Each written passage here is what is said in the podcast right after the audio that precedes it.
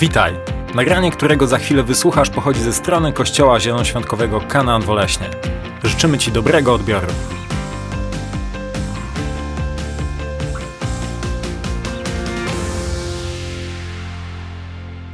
Dzisiaj jest ostatnie, ostatnie kazanie z serii Buduj platformę. Coś te kazania pomogły wam, czy wam nie pomogły? Coś to zmieniło w twoim życiu, czy po prostu kolejne kazanie na przestrzeni lat? Dzisiaj chciałem mówić na temat Buduj platformy pod mądry powrót do Boga. Zawsze mówiłem o tym, jak wracać do Boga, Często o tym mówiłem, ale dzisiaj chciałbym mówić, jak, jak, jak wracać do Boga w mądry sposób. W mądry sposób. Dlatego, że jeśli wrócisz do Boga, po prostu wrócisz do Niego, to masz olbrzymie szanse, że wpadniesz w cykl ciągłych powrotów do Boga. Ale jeśli mądr, nauczysz się mądrze wracać do Boga, to częstotliwość Twoich powrotów do Boga będzie o wiele, o wiele, o wiele mniejsza. Myślę, że, że nie chcesz funkcjonować w takim cyklu, że ciągle popełniasz błędy, wracasz do Boga, pokutujesz i wracasz do Boga i znowu żyjesz i potem pokutujesz. I tak naprawdę życie kręci się tak de facto ciągle wokół Ciebie. Ono się nie kręci wokół niczego innego, tylko kręci się wokół Ciebie. I chciałbym oczywiście zacząć od mojej ulubionej opowieści, ulubionej opowieści z Ewangelii Łukasza z 15 rozdziału, wersety od 11 do 17, gdzie mamy historię o dwóch synach marnotrawnych. Powiedział też, jest mowa o Chrystusie, pewien człowiek, Łukasza 15, rozdział 11 do 17, powiedział też, pewien człowiek miał dwóch synów, Młodszy z nich zwrócił się do ojca: Ojcze, daj mi część majątku, która nam nie przypada. Ojciec zatem podzielił między synów dorobek swojego życia. Krótko potem młodszy syn spieniężył wszystko i wyjechał daleko. Prowadził rozwiązły tryb życia i roztrwonił majątek. Gdy wszystko stracił, w kraju, gdzie przebywał, nastał wielki głód. Wówczas jemu zaczął doskwierać niedostatek. Wynajął się zatem u jednego z obywateli tego kraju, który wysłał go do swoich wiejskich posiadłości i zatrudnił przy wypasie świń. Pracując tam, pragnął najeść się strąków, którymi tuczono świnie, lecz nikt mu nie pozwalał. Wtedy oprzytomniał. Iluż to najemników mojego, mego ojca pomyślał, ma chleb pod dostatkiem, a ja tu z głodu ginę. To jest standardowa, standardowa historia człowieka, który w pewnym momencie swojego życia postanowił żyć poza wszelkimi zasadami, postanowił żyć w taki sposób, jak on chce, postanowił żyć w taki sposób, że chciał robić to, co on chce, i jak to zazwyczaj bywa, to życie doprowadziło go donikąd. Chwała, chwała Bogu za to, że on na ziemi się zorientował, że to jest życie, które prowadzi go donikąd. Bardzo często jest tak, że ludzie dopiero orientują się na łożu śmierci albo już po śmierci, że ich życie doprowadziło ich absolutnie donikąd i w miejscu, w którym są, nie chcieliby nigdy w życiu być. A więc porozmawiamy sobie, żeby to zrozumieć. Ja nie chcę do tego lekko podchodzić. Nie chcę do tego tematu w ogóle podchodzić w lekki sposób i, i chciałbym, abyśmy byli ludźmi, którzy żyją świadomie. Którzy żyją świadomie, ale przede wszystkim żyją odpowiedzialnie i żyją z taką perspektywą bojaźni przed Bogiem. Bojaźni przed Bogiem. I zaczniemy od tego, że spróbujemy sobie scharakteryzować, czym jest grzech. I nie chcę, nie chcę podawać hebrajskich słów, które określają, czym jest grzech, greckich słów, które określają, czym jest grzech. One rzeczywiście, one rzeczywiście są słowami, które pokazują bardzo dużo i pokazują specyfikę grzechu, ale chciałbym dzisiaj pokazać Ci na podstawie tej historii, tej historii, co powoduje grzech, jaka jest definicja grzechu, ile on nas kosztuje i dokąd on nas prowadzi. Definicja grzechu jest bardzo prosta. Mówi o tym Księga Izajasza, 53 rozdział, werset 6. Wszyscy jak owce zbłądziliśmy, zboczyliśmy, każdy na własną drogę, a Pan Jego dotknął karą za winę nas wszystkich. Definicja grzechu jest bardzo prosta według Izajasza. On to powiedział 700 lat przed tym, jak pojawił się Chrystus na ziemi. I powiedział tak, wszyscy jak owce zbłądziliśmy, nie kilku z nas, wszyscy zbłądziliśmy, zboczyliśmy, każdy na własną drogę. Grzech, grzech, definicja grzechu jest prosta. To jest Twoja własna droga. To nie jest Boża droga, to jest Twoja własna droga. To jest Twój własny system wartości, to jest Twój własny system moralności, to jest Twój sposób zachowywania się, to jest Twój sposób funkcjonowania, odnoszenia się do ludzi, to jest Twój sposób. To jest Twój sposób. I przez lata, szczególnie w XX wieku, a w XX wieku było wiele rewolucji. Wiele rewolucji. Oczywiście te rewolucje nie były militarne, one nie były agresywne, ale te, te, te, rewolucje były mentalne. I jedną z największych, największych rewolucji była, była rewolucja wolności seksualnej. To była rewolucja, która wprowadziła ludzi do miejsca, że ludzie w końcu, w końcu poczuli, że chcą być wolni od wszelkich ograniczeń i będą sobie żyć jak chcą. Posłuchaj mnie bardzo uważnie. Definicja grzechu jest bardzo prosta. To nie jest Boża droga, to jest Twoja droga. Definicja grzechu jest bardzo prosta. To nie jest Boży sposób funkcjonowania, to jest Twój sposób funkcjonowania.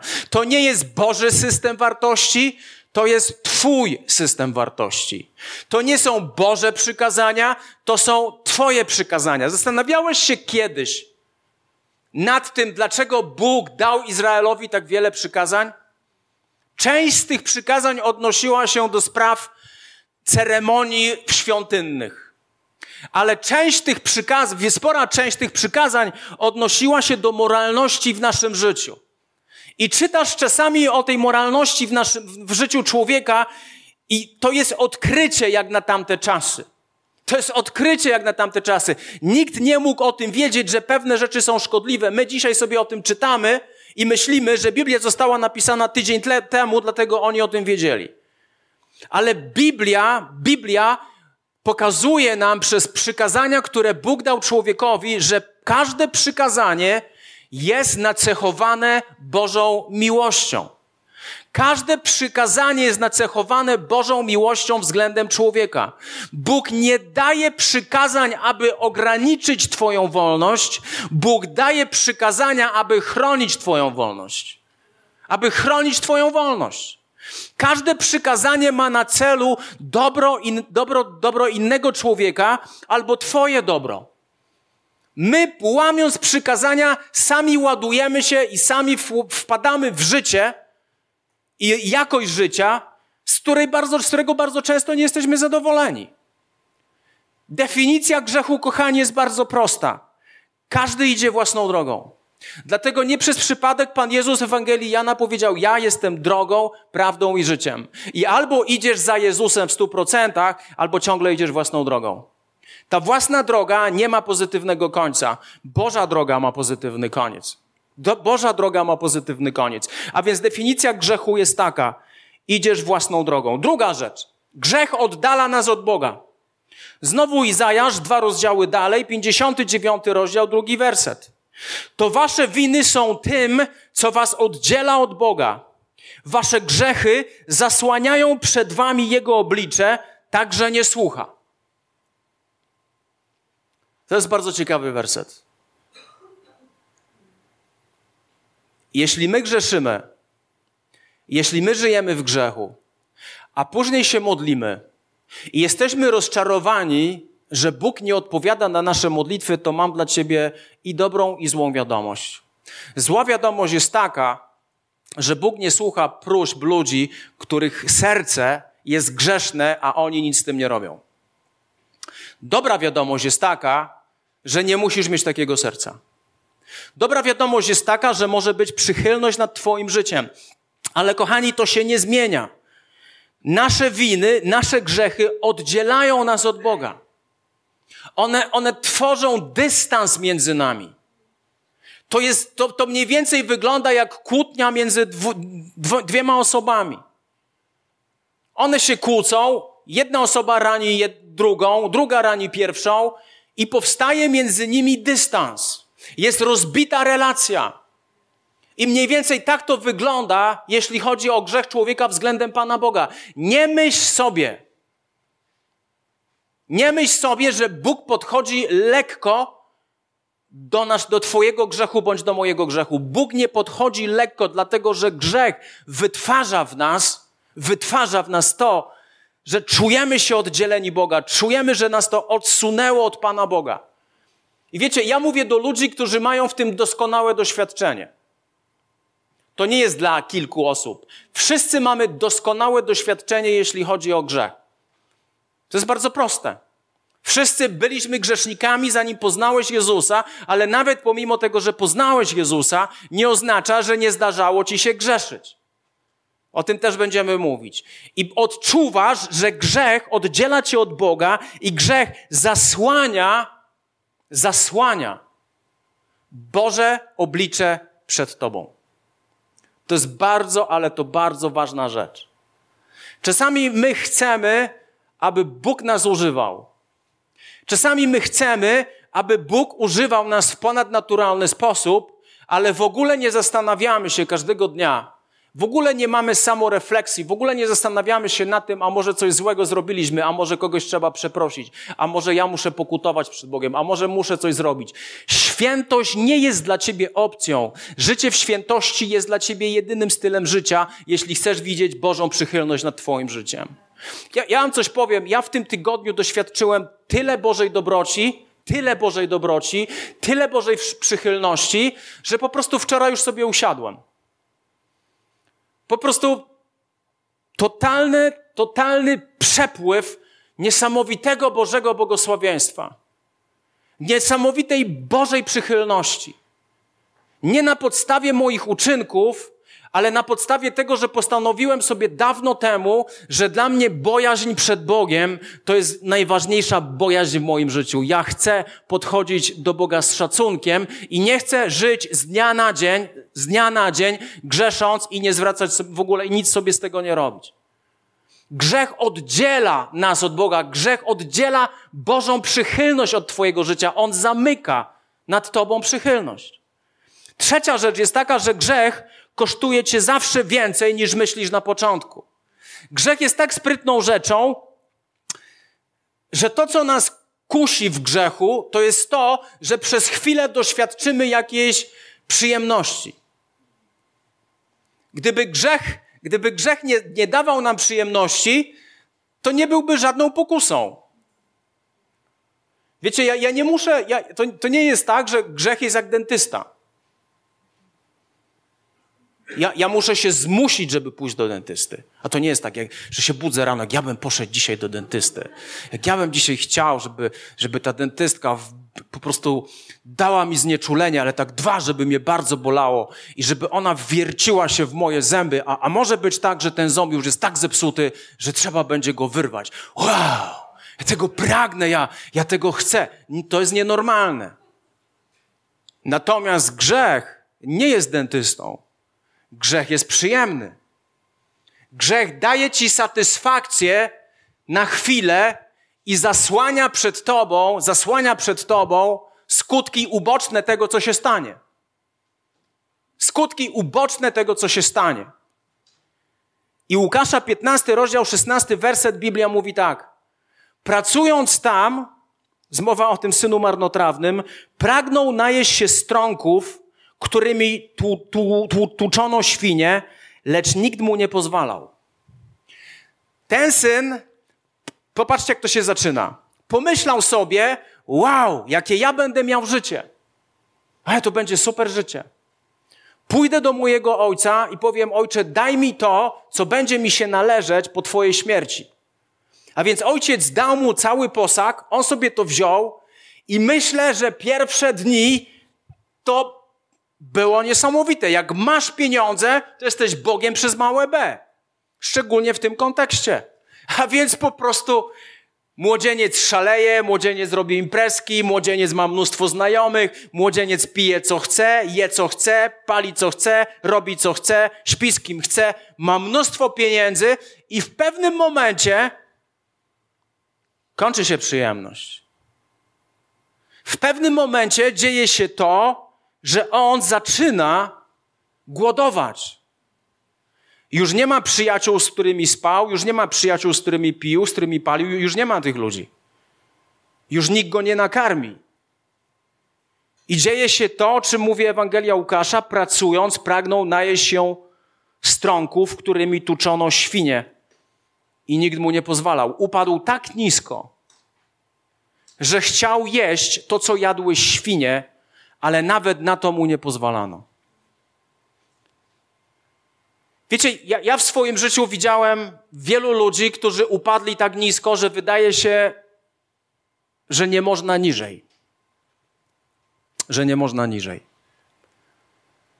Wiecie, wiecie, wiecie na czym polega problem? Kiedy był czas, kiedy puszczano taki dokument, e, byłem gangsterem, to się chyba nazywa, nazywało. Puszczano to w pierwszej, w, w, polskiej telewizji i puszczano tych wszystkich gangsterów, ludzi, których, którzy, nie wiem, mordowali ludzi, krzywdzili ludzi i nawracali się. To cała Polska była zaoferowana tym, że wow, wow, jakie to jest super, wow, wow, jak super, że, że ten człowiek się nawrócił, jak, jak, jak super, że on w końcu, jego życie się zmieniło, jak super. Cała Polska w samosprawiedliwości kibicowała, że życie tego człowieka się zmieniło. Chcę wam coś powiedzieć. Ludzie, którzy upadli tak nisko, niczym się nie różnią od ciebie, ani ode mnie. Mają ten sam potencjał grzechu, co ja i ty. Powiem więcej. Trzecia Rzesza to byli tacy ludzie jak ja i ty których przerobiono, ale można było ich przerobić, ponieważ ich serca z natury były złe, tak jak moje i twoje. I ty i ja mielibyśmy potencjał stać się żołnierzami III Rzeszy. Nie mów, że nie, nie mów, że nie, bo posiadamy ciągle tą samą zepsutą naturę. Nie widzimy destrukcji. Nie widzimy destrukcji naszej zepsutej natury i nie widzimy tego, dokąd grzech jest nas w stanie doprowadzić. W zabawie z grzechem jest zawsze jeden przegrany i to nie jest grzech.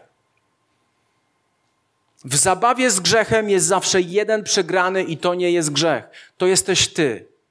To jesteś ty.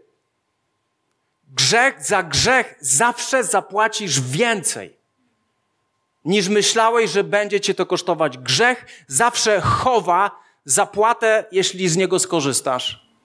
Zawsze chowa. Zawsze. I nie chcę, nie chcę używać drastycznych przykładów, ani oczywistych przykładów, żeby nie chcę cię ranić. Nie chcę cię skonfrontować, nie, nie chcę dotknąć twojego serca, bo, bo rzucając grzechy, to my wszyscy mamy w tym fantastyczne doświadczenie. Grzech kosztuje nas zawsze więcej niż myślisz. I to się nie zmieni. Czy Adam i Ewa myśleli, że zjedzenie z owocu drzewa poznania i zła sprawi to, co, to, te konsekwencje będą takie, że to się będzie ciągnąć tysiąc, tysiącleciami? Czy oni mieli świadomość, że w tym momencie autorytet nad, nad ziemią, który da, dał im Bóg, że to zostanie im zabrane przez diabła i diabeł zacznie panować nad całą ziemią? Czy oni o tym myśleli? Czy oni o tym myśleli? Czy człowiek, który ogląda pornografię, ogląda na początku pornografię, ogląda pornografię pomiędzy kobietą i mężczyzną i to też jest złe? Czy ten człowiek ma świadomość, że za rok będzie już oglądał gwałt w sieci, bo już pozostałe rzeczy nie będą sprawiać mu radości? Czy człowiek, który po prostu pije sobie piwo, przy swoich dzieciach ma świadomość, że buduje mentalność w głowie tego dziecka taką rzecz, że piwo jest ok. Zastanawiasz się, dlaczego powstało piwo zero? Widziałem rodziców, którzy dawali piwo zero, czyli zero, zero ilości alkoholu, dawali swoim dzieciom. Jesteśmy głupi. Totalnie głupi, bo dziecko, dziecko nie rozróżnia. Dla dziecka jest butelka, dla dziecka jest ciecz i nie patrzy, czy ile to jest procent.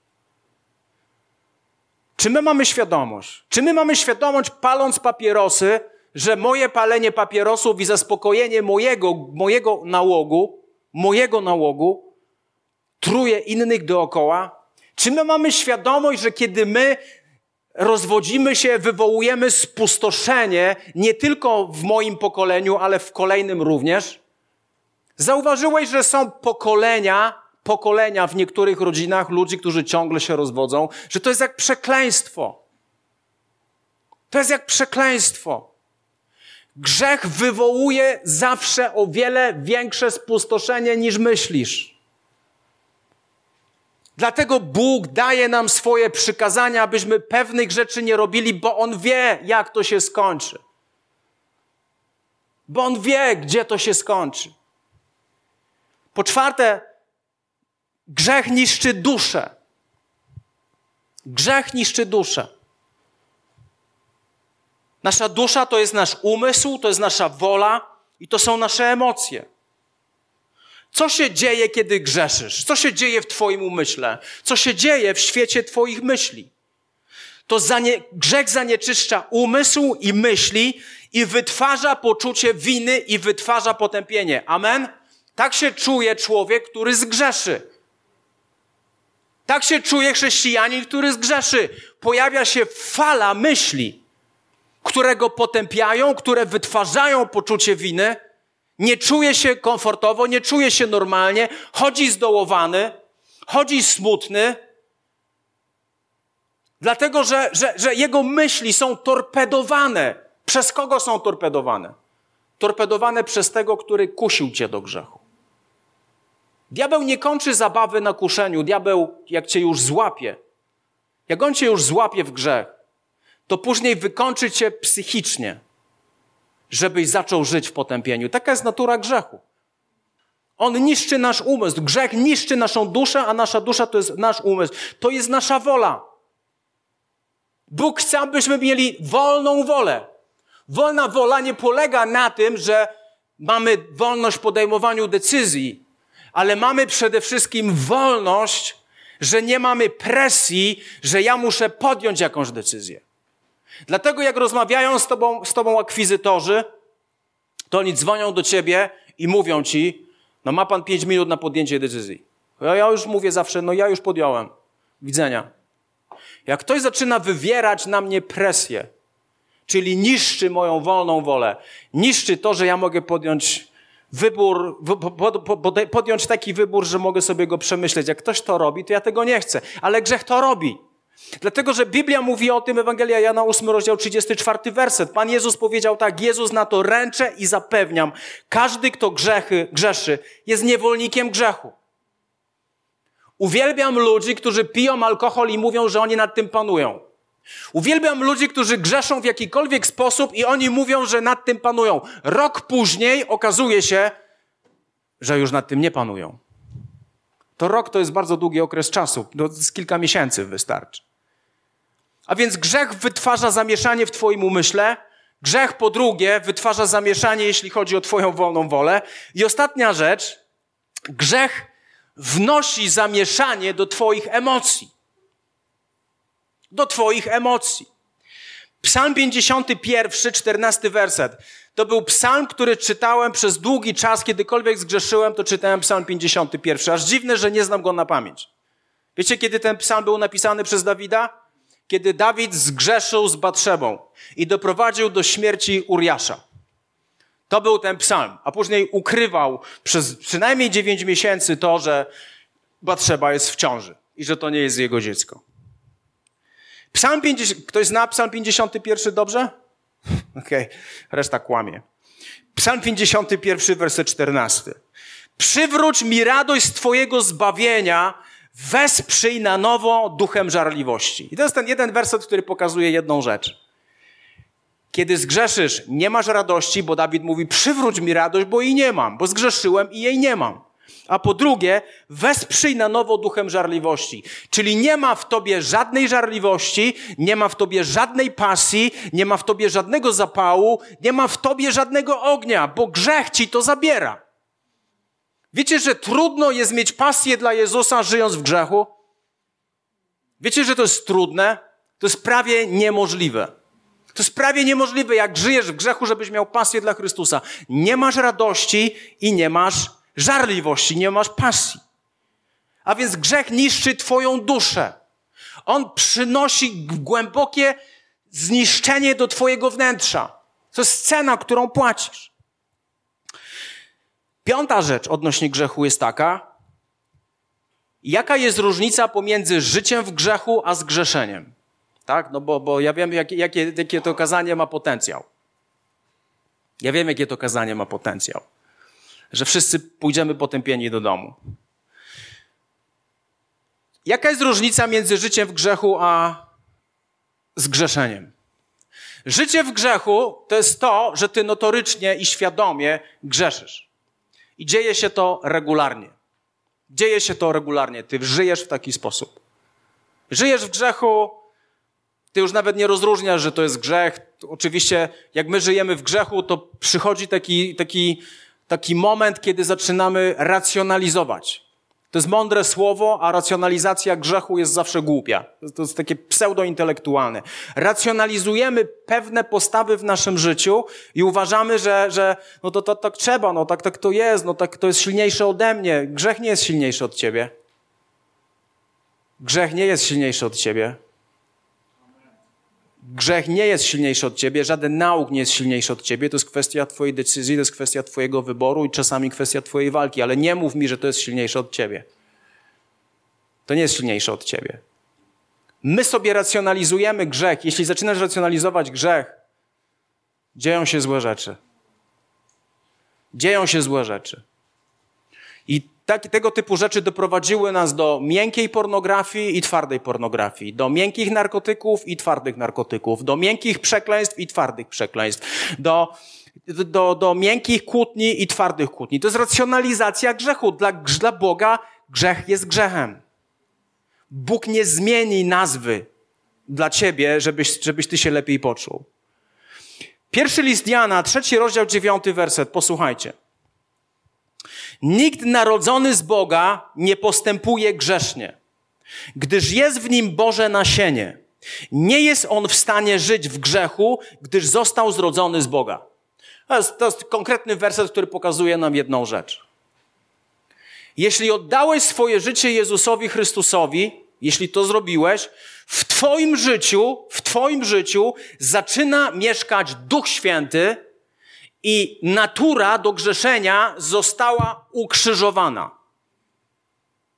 Ok? Człowiek który, człowiek, który oddał życie Jezusowi, w którym mieszka Duch Święty, nie jest w stanie grzeszyć i czuć się z tym dobrze. Nie jest w stanie.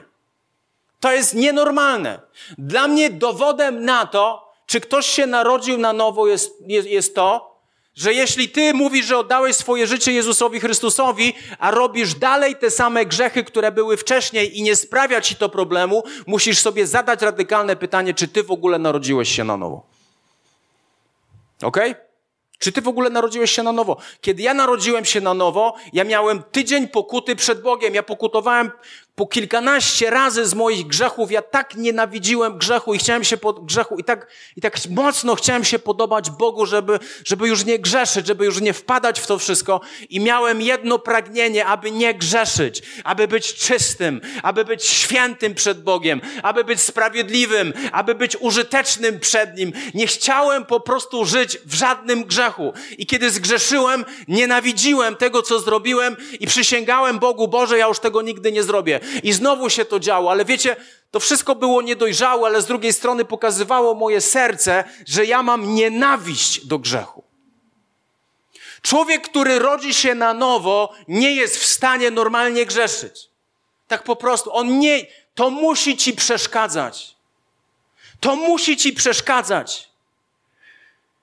To jest to, co mówi Jan. Nikt narodzony z Boga nie postępuje grzesznie. To nie jest moje zachowanie. Postępowanie grzeszne to jest ciągły stan, w którym jesteś. Ciągły stan, w którym jesteś. Ty ciągle grzeszysz w taki sposób i myślisz, że nikt tego nie widzi. Może nikt tego nie widzi poza Panem Bogiem. I konsekwencje zbierzesz takiego funkcjonowania. Nie warto. Nie warto. Druga rzecz jest taka, pierwszy list Jana, pierwszy rozdział, dziewiąty werset. Jeśli przyznajemy się do naszych grzechów, On jest wierny i sprawiedliwy, przebaczy nam grzechy i oczyści nas od wszelkiej nieprawości. Widzisz, życie w grzechu polega na tym, że robisz coś notorycznie. Ale to, że przydarzy ci się zgrzeszyć, to, że przydarzy ci się zgrzeszyć, to Bóg mówi, jeśli przyjdziesz do mnie, jeśli będziesz pokutował, ja przebaczę ci moje grzechy, przebaczę ci twoje grzechy. Ja ci to przebaczę. Taka jest, kochani, różnica między życiem w grzechu i zgrzeszeniem, że życie w grzechu to jest nauk. Ty już w tym jesteś. Ty już nie rozróżniasz. Ty już się do tego przyzwyczaiłeś. Ty już mówisz, że tak ma być, tak po prostu jest, że ty tego potrzebujesz.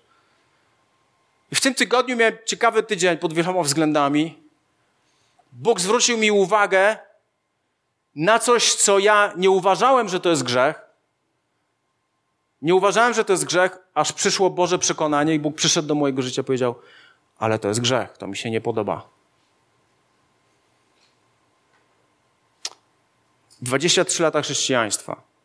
Przychodzi do ciebie Bóg i mówi: To mi się nie podoba, to musisz zmienić. To musisz zmienić.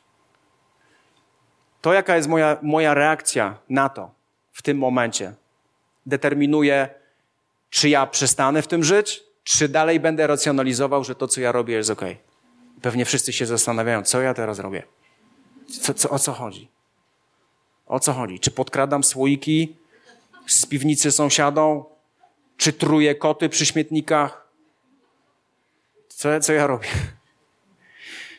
Żyć w grzechu, kochani, rozumiemy już tą różnicę. To jest notoryczny stan, w którym jesteś. Usprawiedliwiasz grzech, tak już po prostu jest. Okay? I, to jest I to jest droga donikąd. Niebo jest zamknięte nad tobą. Niebo jest zamknięte nad tobą.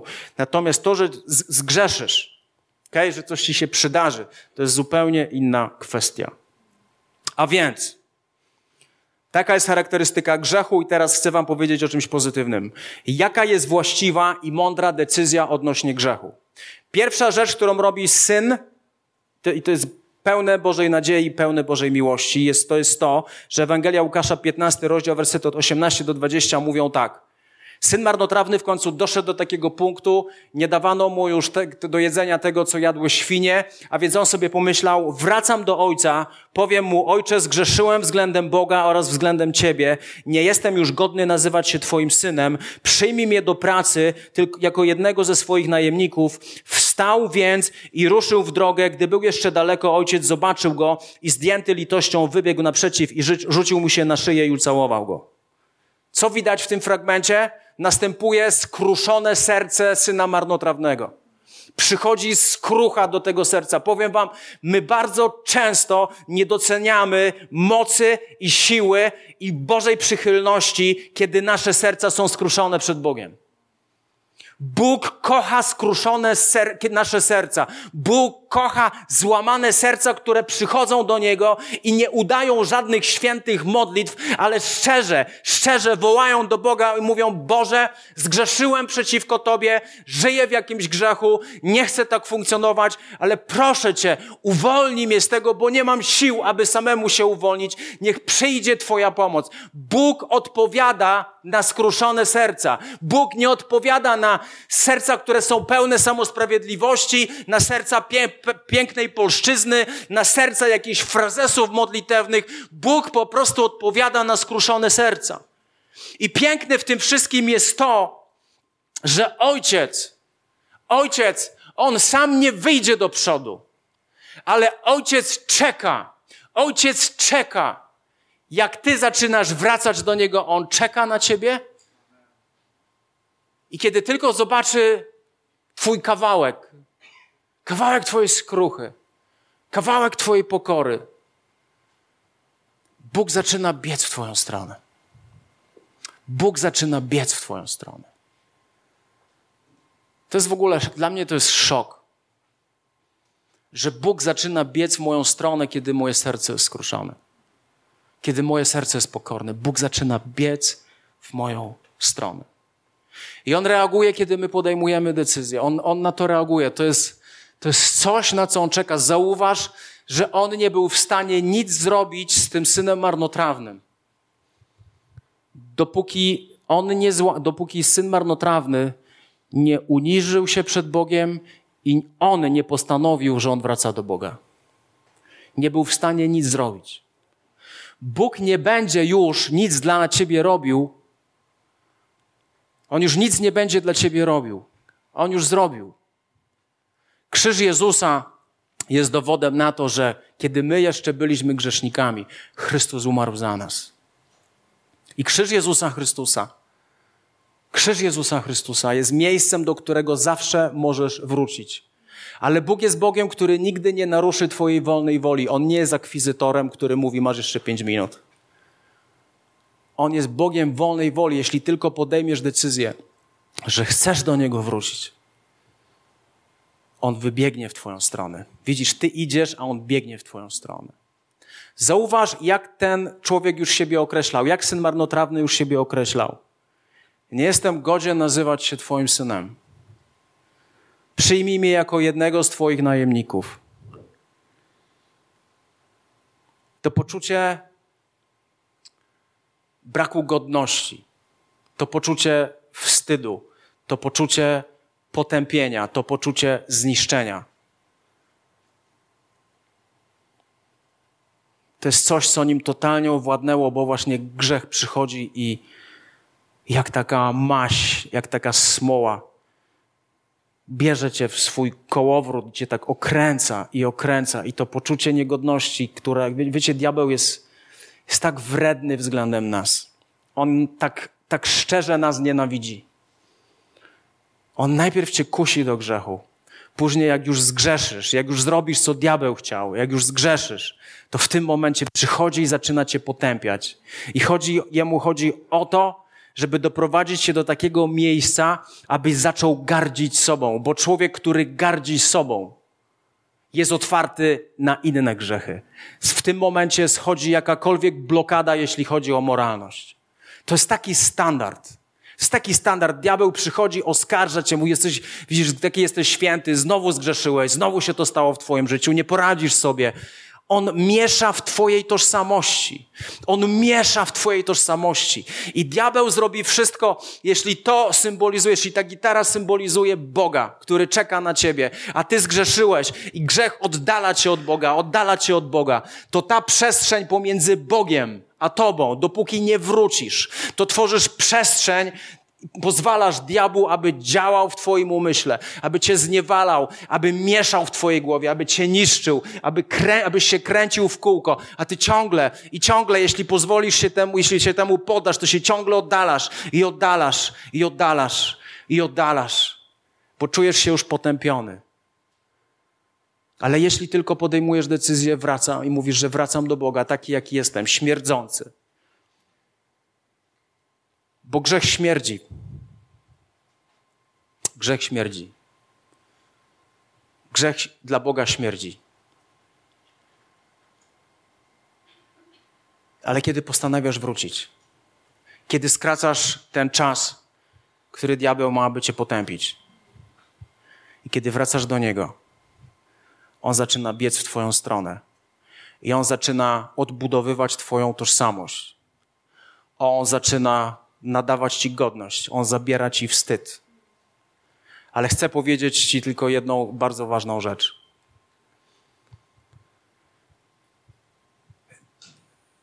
Diabeł nie jest w stanie cię zmusić do czegokolwiek. To jest zawsze Twoja wina. Grzech jest zawsze Twoim wyborem. Nie zwalaj wszystkiego na diabła. Pamiętamy historię z ogrodu Eden? To nie ja. To nie ja. To Ewa mi to dała. Ewa mówi, no to nie ja. To wąż mnie skusił, wąż już nie miał na kogo zwalić. Ale my mamy taką mentalność zrzucania naszego, naszego błędu, zrzucania na innych. To jest Twoja odpowiedzialność. Bądź dorosły, bądź dorosły i weź odpowiedzialność za swój grzech. I za swoje błędne decyzje. Weź odpowiedzialność, to jest Twój problem. To jest Twoja odpowiedzialność, to jest Twoje życie. Nie zwalaj, że diabeł Cię zmusił. I nie mów, że Bóg Cię opuścił, bo to jest nieprawda. Weź odpowiedzialność, zacznij żyć odpowiedzialnie. Druga rzecz. Wyznanie grzechów przed Bogiem to jest piękna rzecz. Ewangelia Łukasza, 15 rozdział, wersety 21 do 23. Ojcze, rozpoczął syn, zgrzeszyłem względem Boga oraz względem Ciebie, nie jestem już godny nazywać się Twoim synem. Ojciec zaś zwrócił się do sługi, przynieście czym prędzej najlepszą szatę i ubierzcie go, włóżcie pierścień na jego rękę i sandały na jego nogi, wybierzcie też dorodne ciele, przyrządźcie na ucztę i zasiądźmy do stołu i uczcijmy to. Przychodzi syn, który wyznaje swoje grzechy. Kiedy syn zaczyna wyznawać swoje grzechy, kiedy on zaczyna wyznawać swoje grzechy, to w tym momencie, w tym momencie, ojciec całkowicie mu przebacza. Ale nie tylko przebacza mu grzech, ale zaczyna go odbudowywać. Widzisz, grzech cię deformuje, grzech cię niszczy, grzech sieje destrukcję w twojej duszy. Ale przychodzi Bóg i On zaczyna cię odbudowywać. Daje ci nową szatę, szatę sprawiedliwości, daje ci pierścień, który pokazuje, że ciągle jesteś częścią Jego rodziny. I daje ci sandały, bo tylko niewolnicy chodzili boso. Co to, co, pa, syn marnotrawny przyszedł do Pana Jezusa, do, przepraszam, do Boga Ojca, przyszedł boso bo miał świadomość bycia niewolnikiem. Ojciec dał mu sandały. I tutaj się dzieje jeszcze jedna rzecz, o której nigdy nikt nie mówi, która jest najbardziej kluczowa. Kiedy ojciec mówi: Zabijcie jakieś ciele. Zabijcie jakieś ciele. Niech zostanie przelana krew. Bo mój syn był umarły, był grzeszny, ale się znalazł. I żeby to wszystko mogło się stać, żeby to wszystko mogło się stać, musiała zostać przelana krew. Dlatego, kochani, do grzechu nie możemy podchodzić w lekki sposób.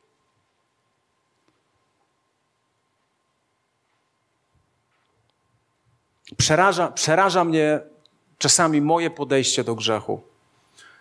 Przeraża mnie czasami ta racjonalizacja moich zachowań. I przeraża mnie racjonalizacja chrześcijan, którzy racjonalizują grzechy, które popełniają, nazywając, że jest to normalne. Przeraża mnie to. Później jesteśmy zdziwieni, że Bóg nie jest w stanie nas użyć. Później jesteśmy zdziwieni, że Boża moc nie jest w stanie swobodnie przepływać przez nasze życie. Później jesteśmy zdziwieni. Wiecie, ja, ja ostatnio próbuję jeszcze bardziej zaprzyjaźnić się z Duchem Świętym. Próbuję go poznawać w zupełnie inny sposób. I odkryłem, że to, co go czasami przeraża w moim życiu, że to, co go odstrasza od mojego życia,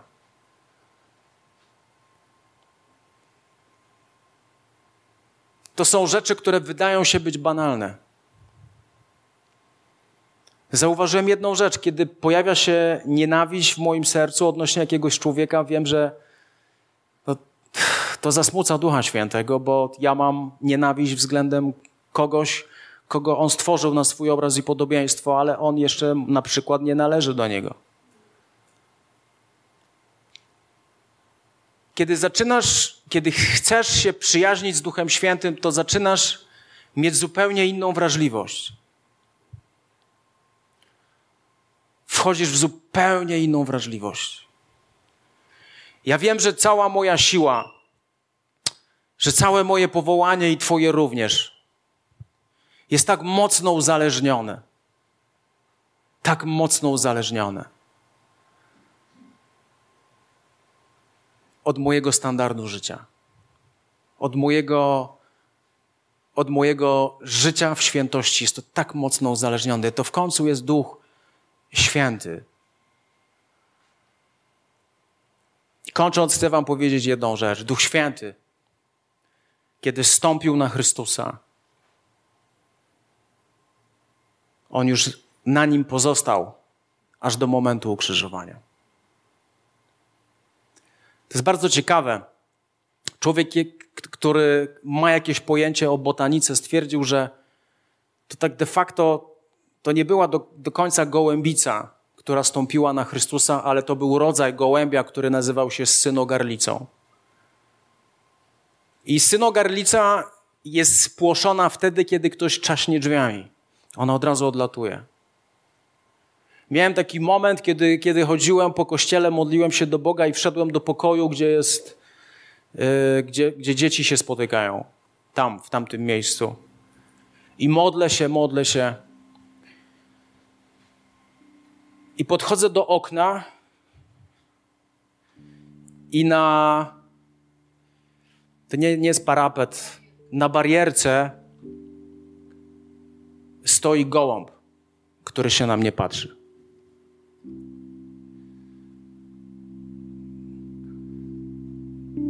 Ja mówię, Boże, czy Ty chcesz mi przez to coś powiedzieć? I zacząłem patrzeć na tego gołębia. I wiem, że gdybym tylko mocniej trzasnął w okno, jego już nie ma. Wiem, gdybym krzyknął, to jego już nie ma. I zauważyłem, jak to był to był taki ciekawy moment w relacji z Bogiem. Jakkolwiek zauważyłem, jak łatwo jest spłoszyć. Nic nie płoszy Ducha Świętego tak mocno w naszym życiu, jak nasz grzech.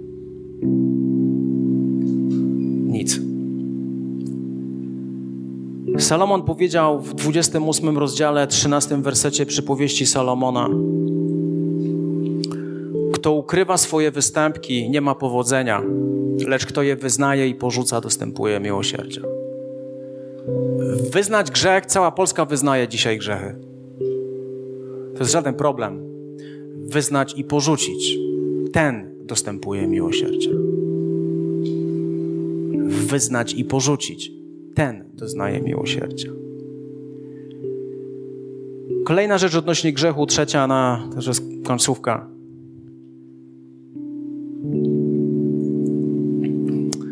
tu już dochodzimy do tego, jak mądrze wrócić do Boga. Przychodzisz do Boga, pokutujesz ze swoich grzechów i żyjesz dalej. Ok? A co jeśli Twój grzech zranił ludzi? A co jeśli Twój grzech obraził ludzi? A co jeśli ukradłeś? A co jeśli swoimi słowami obraziłeś? A co jeśli źle się zachowałeś względem swoich dzieci? A co jeśli źle się zachowałeś względem swojej żony, swojego męża? A co jeśli?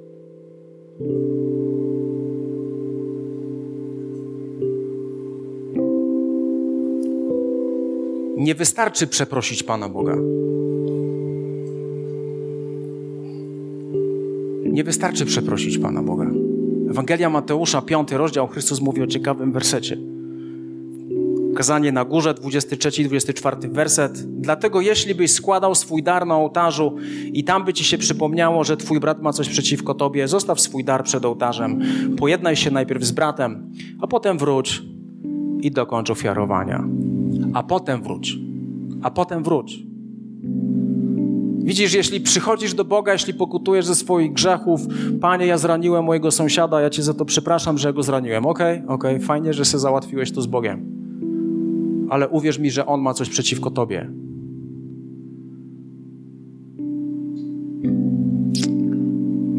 Hmm. był ciekawy tydzień. Ale błagam cię, jeśli chcesz żyć w dojrzały sposób, to nie jest tak, że ty se poobrażasz na lewo i prawo. Narobisz kupę bałaganu, przepraszam, i gnoju wokół siebie. I ten gnój dotknął wielu ludzi, i później przyjdziesz, Panie Boże, ja Cię przepraszam. A Bóg mówi: najpierw, jak chcesz przyjść do mnie, idź i załatw pewne rzeczy, a później przyjdź. I zrób to.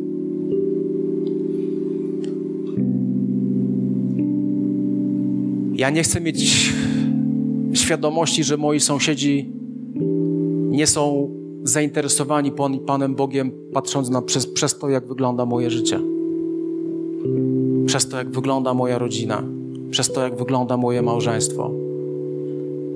Ja chcę być człowiekiem, który przyciąga ludzi, a nie odpycha od Chrystusa. I to jest wszystko trudne. Ale uwierz mi, że świadome życie, które przeprasza za swoje błędy, które przeprasza. Nauczmy się mówić tego, to, to, to magiczne słowo przepraszam.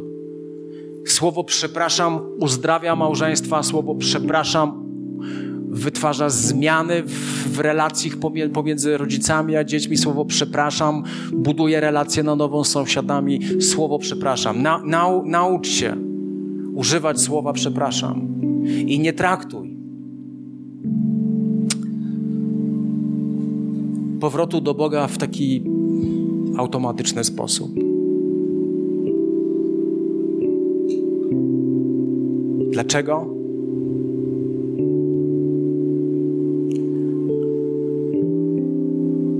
Bo cena za grzech jest zbyt wysoka.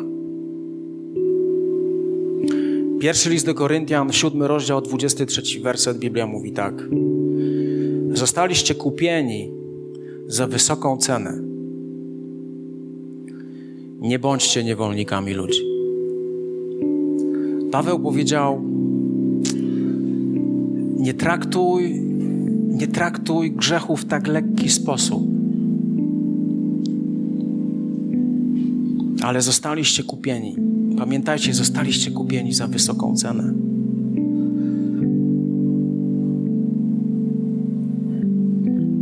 Tydzień był bardzo ciekawy. I również w tym tygodniu duża intensywność. Każdy ma swoich bohaterów. Moim bohaterem bez dwóch zdań był e, człowiek, to był najwybitniejszy apologeta na pewno XX wieku, ale myślę, że jeden z naj... Apologeta to jest ktoś, kto broni wiary.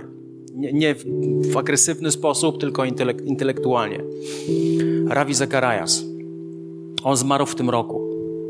Właśnie dzisiaj mieliśmy być w Kuala Lumpur na konferencji z nim, ale on, on umarł w tym roku, a my nie mogliśmy polecieć do Kuala Lumpur, jakkolwiek miałem dostęp do tej konferencji, aby oglądać ją online. Ta konferencja się odbyła online. I był wywiad e, z córką e, Ravi, Raviego Zakariasa i z asystentem Raviego Zakariasa.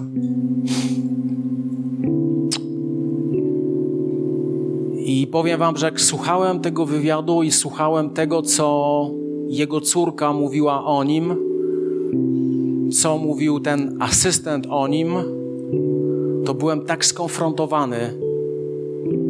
Czym byłem skonfrontowany? Tym charakterem Chrystusa, który był w nim.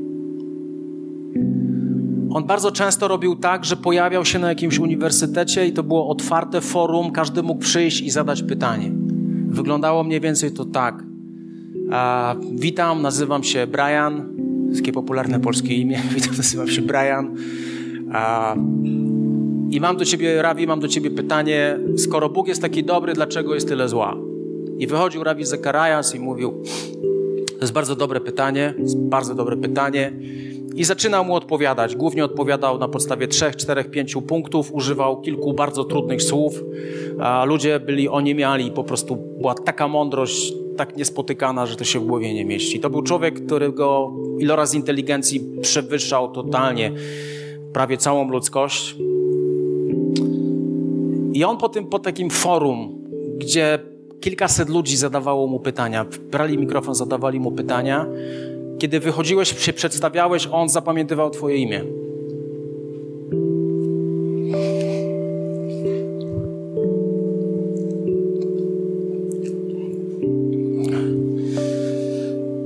I on, powie, I on, kiedy kończył,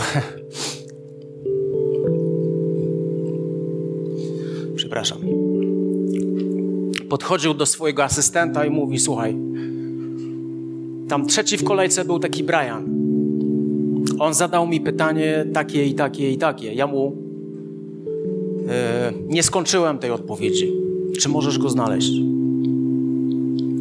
A więc asystent szedł i szukał Briana.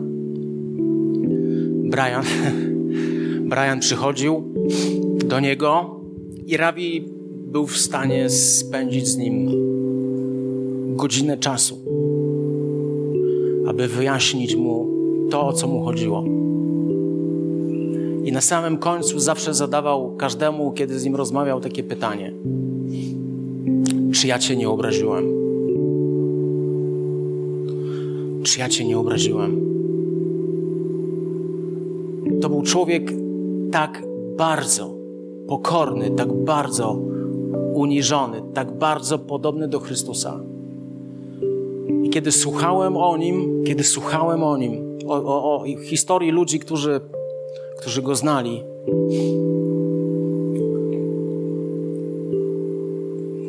Byłem tak skonfrontowany. Byłem tak skonfrontowany, że można być tak Chrystusowym, że można tak myśleć o drugim człowieku, że można tak myśleć, czy się kogoś nie obraziło, czy się kogoś nie zraniło. Mam świadomość, że było to trudne kazanie. Ono dla mnie było trudne, bardzo emocjonalne.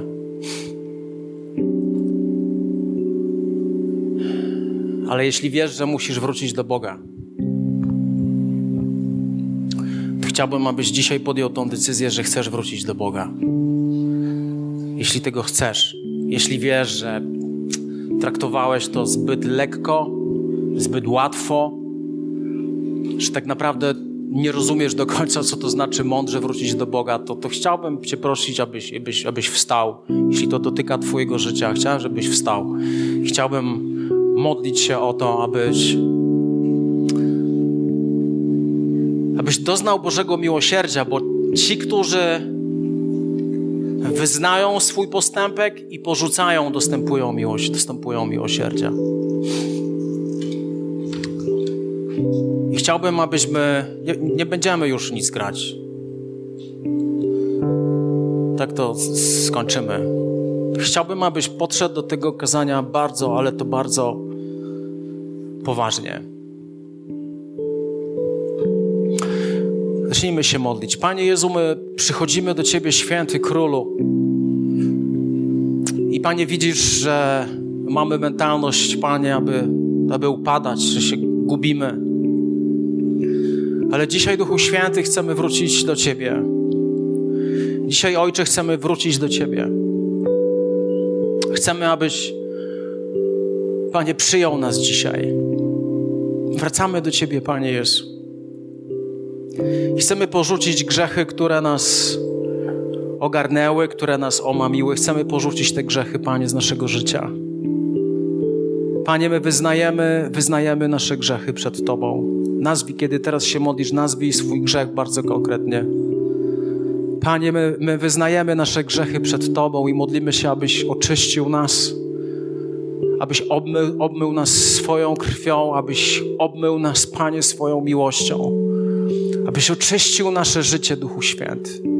Przepraszamy Cię za nasze grzechy, przepraszamy Cię za nasze ułomności, przepraszamy Cię za niewłaściwe słowa, niewłaściwe czyny, niewłaściwe spojrzenia, niewłaściwe myśli, niewłaściwe pragnienia, niewłaściwe dążenia. Panie, oczyszczaj Duchu Święty nasze serce.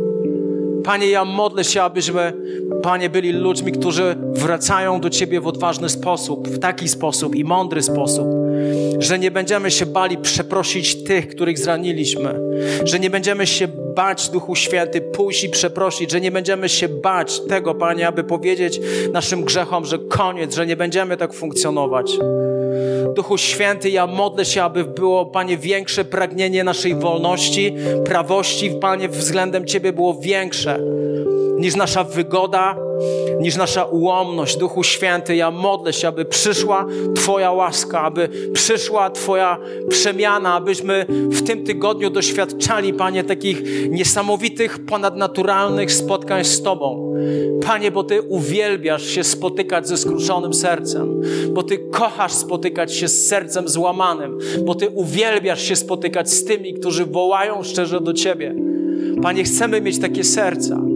Chcemy mieć takie serca. Panie, przychodzimy do Ciebie, święty królu. I oddajemy Tobie chwałę. Niech Twoje imię będzie uwielbione, niech Twoje imię będzie wychwalone i wywyższone.